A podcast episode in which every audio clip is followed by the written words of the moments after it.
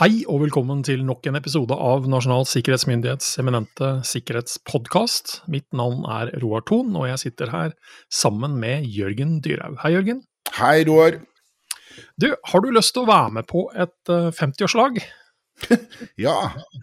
Det er du klar for? Nå, ja, vi, vi, tar det nå med en gang. Vi tar det nå med en gang, ok? Greit. Ja, jeg er med.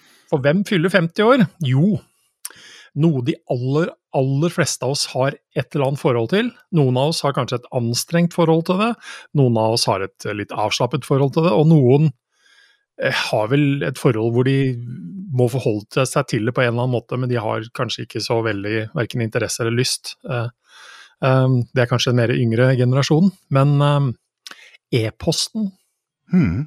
er 50 år. E-posten er 50 år, slik vi mer eller mindre kjenner den i dag, da. For hva skjedde for 50 år siden, Jørgen? Eh, I oktober 1971, for 50 år siden, så er det da en amerikansk ingeniør, Ray Tomlinson, som da jobber i dette ARPA-prosjektet. Det som litt raskt sagt blir til internett. Um, dette er et prosjekt i regi av uh, det amerikanske forsvarsdepartementets forskningsinstitusjon, DARPA. og han er vel da kreditert til å være den første som eh, får på plass et system til å sende da e-post eller meldinger mellom to datamaskiner. Ja, fordi mellom datamaskiner er viktig her i det perspektivet. Ja, jo, det er det. Fordi man har hatt muligheten liksom, Konseptet e-post eksisterte egentlig allerede fra tidlig 60-tall, men eh, da kunne liksom e-posten bare sendes innenfor samme uh, datamaskin. Og det er vel kanskje grenser for hvor interessant det er i lengden. Ja. Uh, Tomlinsens uh, greie var jo da at han fikk dette da til mellom to datamaskiner. Og de het jo da noe så Hva skal jeg si Star Wars-aktig som BBN Tenexa A og BBN Tenex B. A- og B-maskiner. og Kunne vært enklere å kalle det fra Adam og Eva eller noe sånt noe? Ja, jeg lurer litt på det. Ja. Arnt og Bent. Arnt og Bent, ja. Uh, Arnt og Bent. Men uh, den første e-posten var jo kanskje ikke overraskende uh, kun tekst. og før denne episoden så har vi jo lest oss litt opp. og, og jeg leste et intervju med Tomlinson, og han Eh, sa at han ikke hadde noen erindring av hva denne første meldingen var, eh, men trolig at det bare var Curverty en eller annen sånn rask frase på tastaturet, kan det vel eh, fort ha vært. Det var vel ikke noe langt og meningsfylt. Som de sendte. Det var ikke en sånn e-post med 'din konto er eh, kompromittert'? eller noe sånt, altså. trykk, trykk, her for trykk å, her, ja. trykk her for å få den. Nei, jeg tror nok eh, det fenomenet der kom noe senere.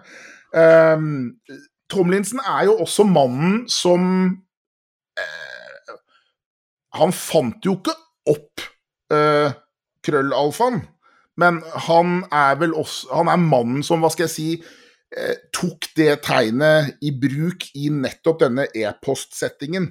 Og her er det et poeng. Det heter da krøllalfa på norsk, og ikke alfakrøll. Det har faktisk Språkrådet bestemt. Ja, for jeg, jeg, tror jeg sier alfakrøll. Da får du bot av Språkrådet, Roar. Så okay, hvis, de, er, hvis, noen i Språkrådet hører dette, så er det Roar Thon som skal ha denne boten. Men det er min rett som alfamail å si det. Som krøll, alfamail. Ja, ja, ja, sant? Men uh, det var da Tomlinson som da uh, muligens da uh, tittet over tastaturet sitt og tenkte finnes der et tegn der ikke er i bruk allerede? og krøllalfategnet så han jo ikke gikk igjen i noen navn, f.eks. Og ville der, derigjennom liksom være et godt skilletegn mellom bruker, krøllalfa, datamaskinen dette uh, brukeren tilhører. Akkurat sånn som det da er den dag i dag, 50 år senere. Så der har det jo strengt tatt ikke skjedd noe. Men, men, altså, men han tok jo litt feil, da, fordi alfakrøll blir jo det, Alfakrøll, som jeg sier det, krøllalfa, ja. mm. det, det, jo, det, representerer jo annen i hvert fall 30% av alles passord. Så det jo, har jo vært brukt på andre måter òg. ja. Igjen, altså da i ettertid, så har man liksom tenkt at Og det er jo mye rart oppi den øverste raden på tastaturet, så det er jo mye annet å ta av der også, da. Det er mange fine kombinasjoner der, altså. Ja, det er men, det. Men de, de første e-postene, de, de kunne realiteten bare inneholde tekst, ikke sant? De, de, første e-postene var litt sånn som de første tekstmeldingene våre. Det var liksom ren, skjær uh, tekst. Og uh, det var jo si, først senere, uh, egentlig mange år senere, at e-poster kunne formateres til jeg håper å si, rene, skjære, vakre publikasjoner igjen slik vi kjenner dem i dag. Og Man blir jo alltid litt overrasket hvis man, hvis man får, et, uh, får, en e-post som er da i sånn rent tekstformat. hvor Du liksom ikke, du får ikke lov til å gjøre noe med fonter og, og sånn. Du, du, du, blir jo litt sånn satt ut, nærmest. Men uh, ja, uh, det, det det sies vel nærmest at e-post var noe disse folka da i USA lekte seg frem til. Eh, at det ikke var noe ren hva skal jeg si, hardcore, målretta forskning for å få, fram dette, men at man da eh, så at her lå det et, eh, et potensial, og det var en mulighet. Og la oss liksom se hvor dette fører frem. Og det, det førte jo da frem til noe som ja, milde himmel, hvor stor del av den voksne befolkning i Norge har ikke en e-postkonto eller flere. Liksom, dette ble da noe som etter hvert gjelder alle. Mer eller mindre alle. Ja, altså for når du sier alle, i 2021 så antallet e-postbrukere er anslått til å være 4,1 milliarder. Så kan ja. man jo diskutere sånne tall med å si hvor mange av de er falske. Hvor mange av de har du, Jørgen? Ja, ikke sant. Hvor mange av de har jeg? Ja. ja. Så, så, det er ikke nødvendigvis ekvivalent med enkeltindivider. Eh, man har virksomheter, man eh, har ulike e-postadresser eh, fordi man skiller mellom jobb privat. Man har kanskje opprettet flere e-postadresser som seg selv. Men ja. uh, dette er jo noe vi alle bruker, på en eller annen dette måte. Dette er noe vi alle bruker, og Forstår vi hvor sentralt det egentlig er? Jeg vet ikke. Uh, for hele vårt digitale univers eh, roterer jo egentlig med e-posten i sentrum. Du får jo f.eks. ikke opprettet en eneste digital tjeneste i dag uten at det er knyttet en gyldig e-postadresse til den tjenesten. Så om det da er et eller annet sosialt medium, om det er et eller annet digital eh, tjeneste som ligger der ute på nett, eller om det er en app som gir deg tilgang til panelovnen din eller bilen din eller et eller annet. Alt dette har til felles at det starter med en gyldig e-postadresse.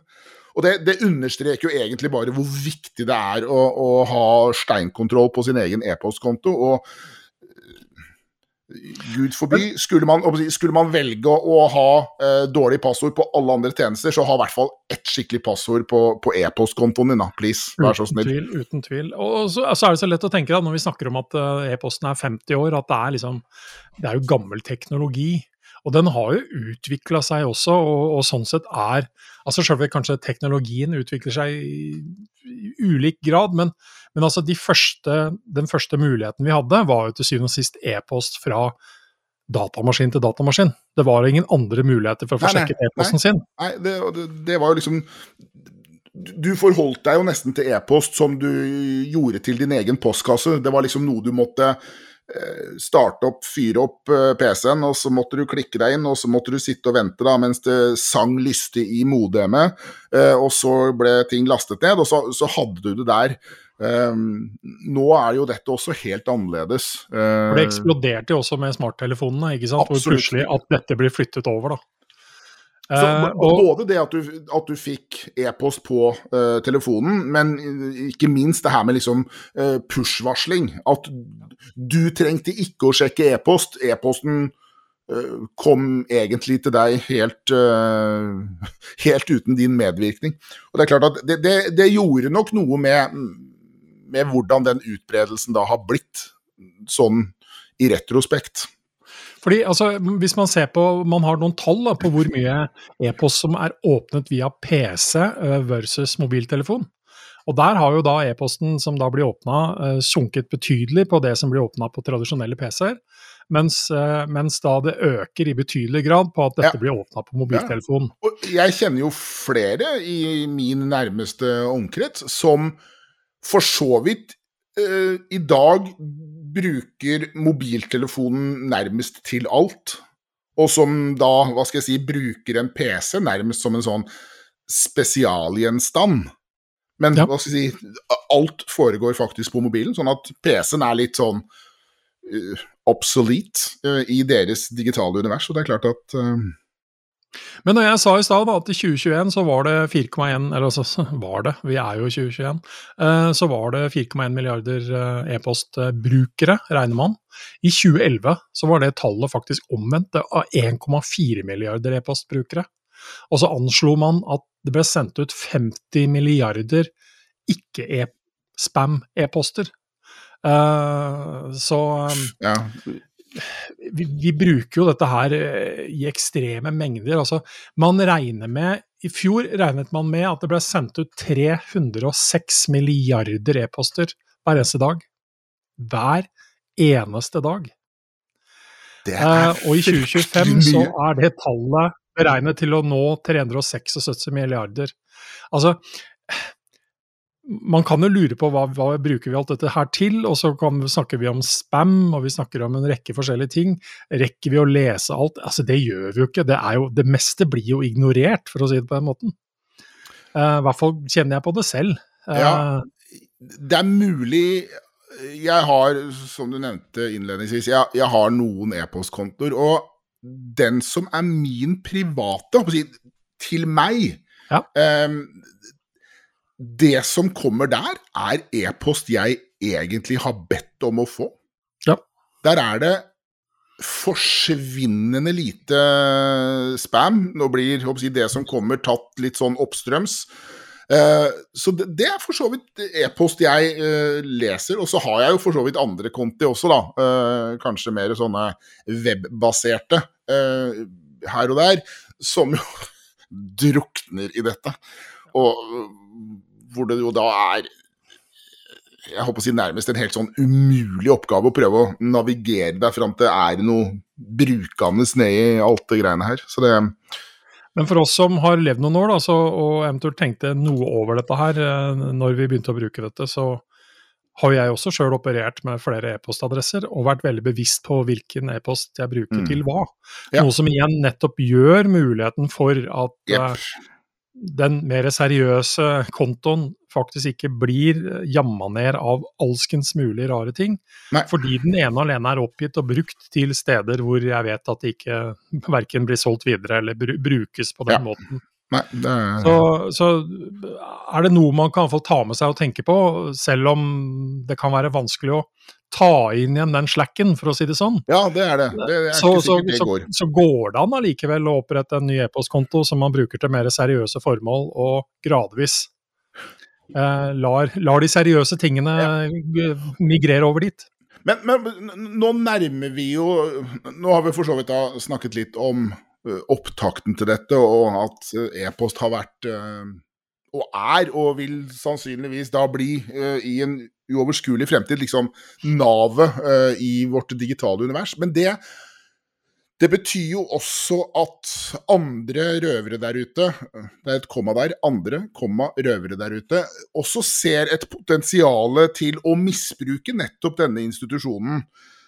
Og du og jeg, Roar, jobber jo i en virksomhet som jo for så vidt har betalt for å drive med dette. Vi ser jo hvordan e-post brukes også, hva skal jeg si, offensivt. Nærmest som et angrepsvåpen eh, mot folk og virksomheter. Ja, for det er jo, det er jo leveransemekanisme nummer én. Altså på godt og vondt. Uh, og det er ikke bare et særnorsk uh, fenomen, for å si det på den måten. Så, så det er jo egentlig et uh, nesten spørsmål å stille. Uh, E-post 50 år, uh, skal vi feire det eller ikke? Ja, er det en venn eller er det en fiende, på en måte? Ja. fordi når dette tar av med e-post, når det blir sånn sett allemannseie, så kommer jo også trendene med det man har endt opp å kalle sånn i grovt sett phishing. praksisen rett og slett med å sende falske e-poster som utgir seg for å være noen du tror du kjenner, eller en kjent virksomhet, i den hensikt til å fralure deg informasjon, eller, eller kompromittere uh, enheten du da åpner denne på Mm, og fra. Uh, og i 2020, sier enkelte undersøkelser, så var phishing ansvarlig for mer enn 80% av alle rapporterte sikkerhetshendelser. Altså, de starter med en e-post. Ja, ikke sant? Ikke sant? Så, så, så, så når vi da sier at dette er angrepsvåpen nummer én, så er det nok hold i det.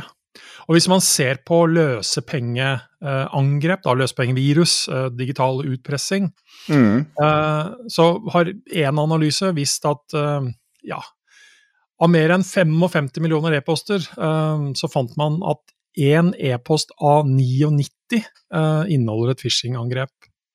Um, så så det, er, altså, det er mye der. Um, Nå, nå, nå, høres jo ikke liksom 1% av alle e-post ut som veldig mye, men det sendes jo hva var det du sa her i stad? 306 milliarder e-post daglig. Så det betyr jo at eh, En av 100. antall- Ja, ikke Ja. sant. En av 100 e-poster er et phishing-e-post. Og hvor mange blir det av 306 milliarder? Det blir jo et formidabelt antall. Og eh, et, et analysefirma, eller eh, da, sikkerhetsfirma som eh, heter ID Agent, de anslår at phishing-angrep har økt med mer enn 600% siden starten av covid-pandemien. Fordi det nettopp skapes sant, betydelige mulighetsrom. Eh, vi sitter eh, fra hverandre på hjemmekontoret. Ja. Eh, vi sitter og venter på informasjon om alt fra vaksiner og alt mulig. og det, det skapes et informasjonsbehov der da, som kanskje ikke var til stede på samme måten. Og det skaper det mulighetsrommet. Ja, fordi, fordi hva skal jeg si, e-posten blir da den foretrukne kommunikasjonskanalen når du sitter på, på Ja. hjemmekontoret ditt. I hvert fall Ja. minst i en profesjonell forstand, fordi i en jobbsituasjon. Men når dette da virkelig tar litt av, så Ja. må vi da inn på midten av 90-tallet. Ja, for, for, for, for det tok litt tid før man hva skal jeg si, så potensialet til å lage litt sånn fanskap med e-posten. Ja, altså, ja, men du kan godt si at eh, den har alltid vært der, men det tok jo en stund før, før på mange måter eh, ARPANET-delen ble til internett, og at dette ble allemannseie. ikke sant? Så det tar jo noen år før, Ja, ja. før altså folk flest, for å bruke dette utslitte uttrykket, faktisk hadde både kontoer og datamaskiner. Ja. Eh, og, eh, men på midten av 90-tallet, da, da var det en eh, gruppe med hackere, for kalle det det, som eh, utga seg for å være ansatte i det amerikanske selskapet AOL, som var det desidert største Ja. Eh, nettleserstedet eh, i USA på den tida. Og de brukte en kombinasjon av direktemeldinger, som også da faktisk eksisterte, og e-post for å stjele brukerne av AOLs eh, passord og kapre kontoer. Som de også da tjente penger på å gjøre i en utvida forstand. Og så var det på begynnelsen av 2000-tallet så begynner man å vende seg oppmerksomheten rundt mer finansielle systemer. Altså hvor man da ser igjen på e-post og phishing som muligheten for å, for å rett og slett drive økonomisk, altså datakriminalitet i stor skala. Og i 2003 så begynner man også å se at uh, disse aktørene begynner å registrere domenenavn som har små variasjoner av eh, legitime, altså steder som eBay og PayPal og alle disse kjente sånn sett merkevarene. Ja. Uh, og så begynte man da å sende rett og slett ut massive mengder med e-post for å utgi seg for å være disse Mm. merkevarene, med bare disse små tekniske, små, Små- nyansene. Ja. Eh, for å da lure folk ifra både informasjon og kredittkortinformasjon osv. Men det er jo virkelig, altså, det er jo virkelig kanskje i Ja, hva skal man si, da? Eh, det er jo år 2000 egentlig at dette virkelig smeller. Eh, det er kanskje da verden virkelig får opp øynene for hva vi egentlig står overfor her. For da, da kommer noe som er veldig hyggelig å si. I love you, Jørgen. Og tusen takk, men i dette tilfellet her var det vel ikke så stas? Nei, det var ikke det. Fordi det var i realiteten et, et, et virus, eh, for å kalle det det, som, eh, som eh, ble eh, levert via e-post. Eh, man fikk rett og slett et kjærlighetsbrev. eh, eh, med et vedlegg hvor det står 'kjærlighetsbrev for deg', tekst.vbs. Ikke sant? Eh, Ja. Dette endte opp med å infisere over 10 millioner Windows-maskiner rundt omkring i verden. Eh, Og dette fungerte på den måten at denne filen da, som var vedlegget, som så ut som det var en tekstfil, Mm. i realiteten var en såkalt VBS-fil, som, Mm. som var rett og slett en skjult fil på data, datidens eh, standard Windows-maskiner. Um, og når man åpna det vedlegget, så aktiverte man et såkalt Visual Basic, uh, Visual Basic Script, Mm. som da starter liksom, det teknologiske angrepet.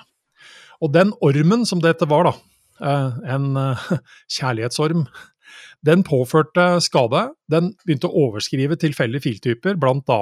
Uh, alt av Office-filer, bildefiler, lydfiler. Uh, og så uh, kom det også en annen var det også en annen funksjon der, at den kopierte altså den, den sendte rett og slett en kopi av seg selv til alle andre e-postadresser som man hadde skrevet ned i Windows-adresseboka si, uh, og da basert på eh, Microsoft Outlook. Og Det gjorde at dette spredde seg betydelig mer enn hva man hadde sett av tidligere saker. Ikke sant. Så dette startet 4. mai eh, 2000 i, eh, eh, i Manila på Filippinene. Og så følger man jo Ja. tidssonen nå.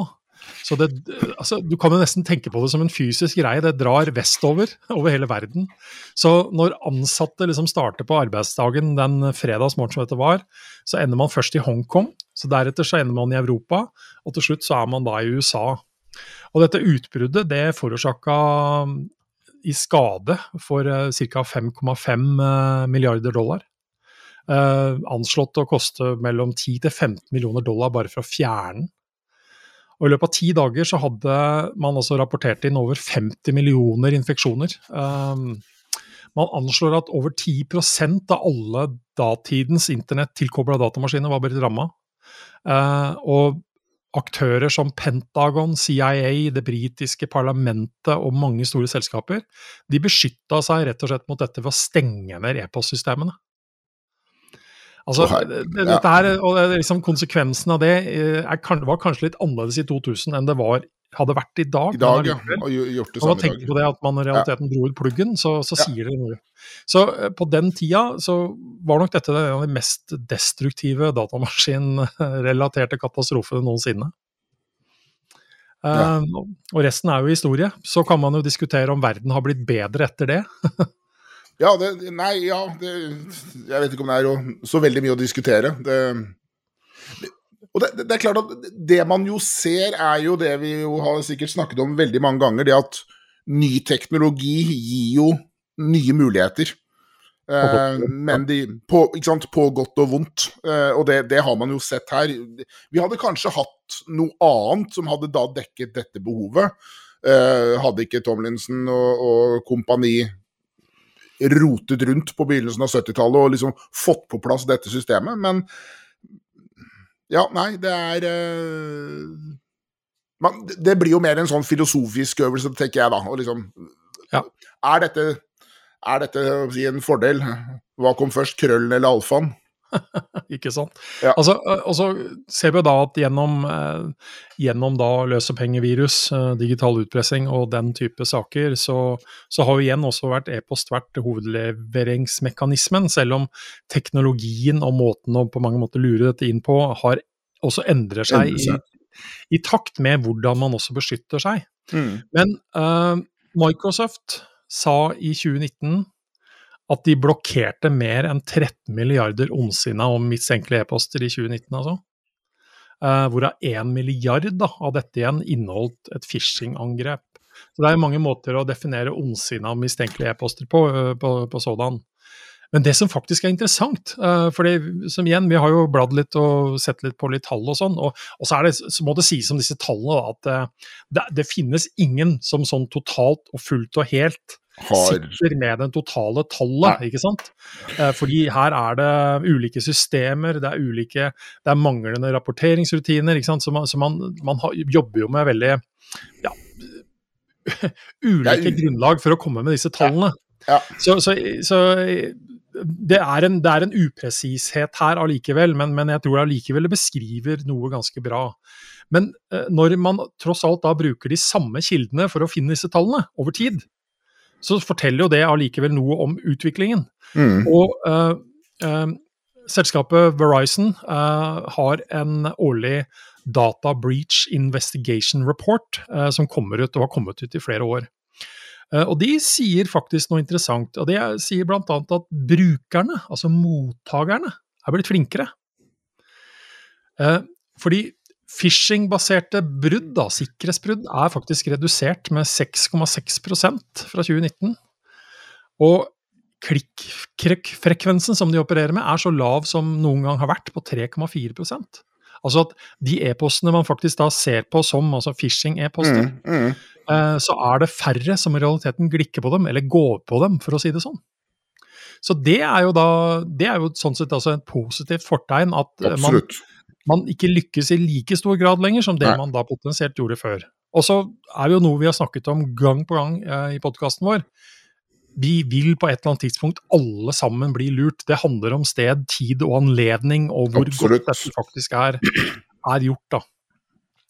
Så hvis vi tar e-post og phishing, den kombinasjonen, så har jo historien vist at det har vært, og er fortsatt, en betydelig fruktbar metode for angriperne. Mm. Og det mm. finnes mm. ingen sånn, som vi sa nesten i forrige episode, det er ingen silver bullet på dette. Nei, det er, nei, det er, det er ingen enkel løsning. Uh, så, så, man må forholde seg til dette her på, på flere plan.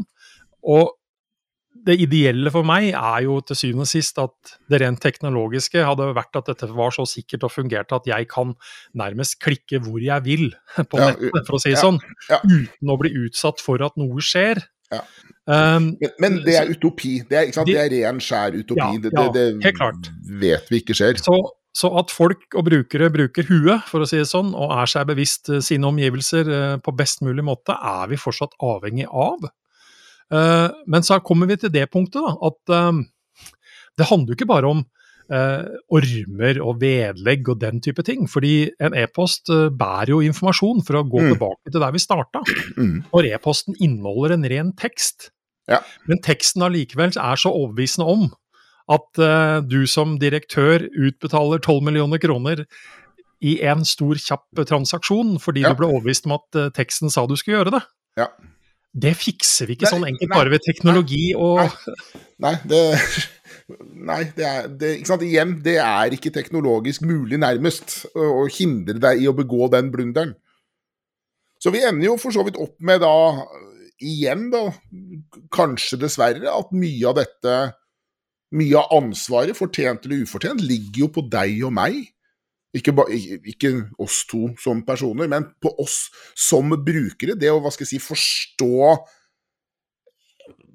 hele bildet. Skjønne liksom hva er denne teknologien god for? Hva, hva ønsker jeg av den? Og hva gjør den mot meg som jeg kanskje ikke er så interessert i? Igjen det her med liksom å forstå hele bildet, oppsider og nedsider.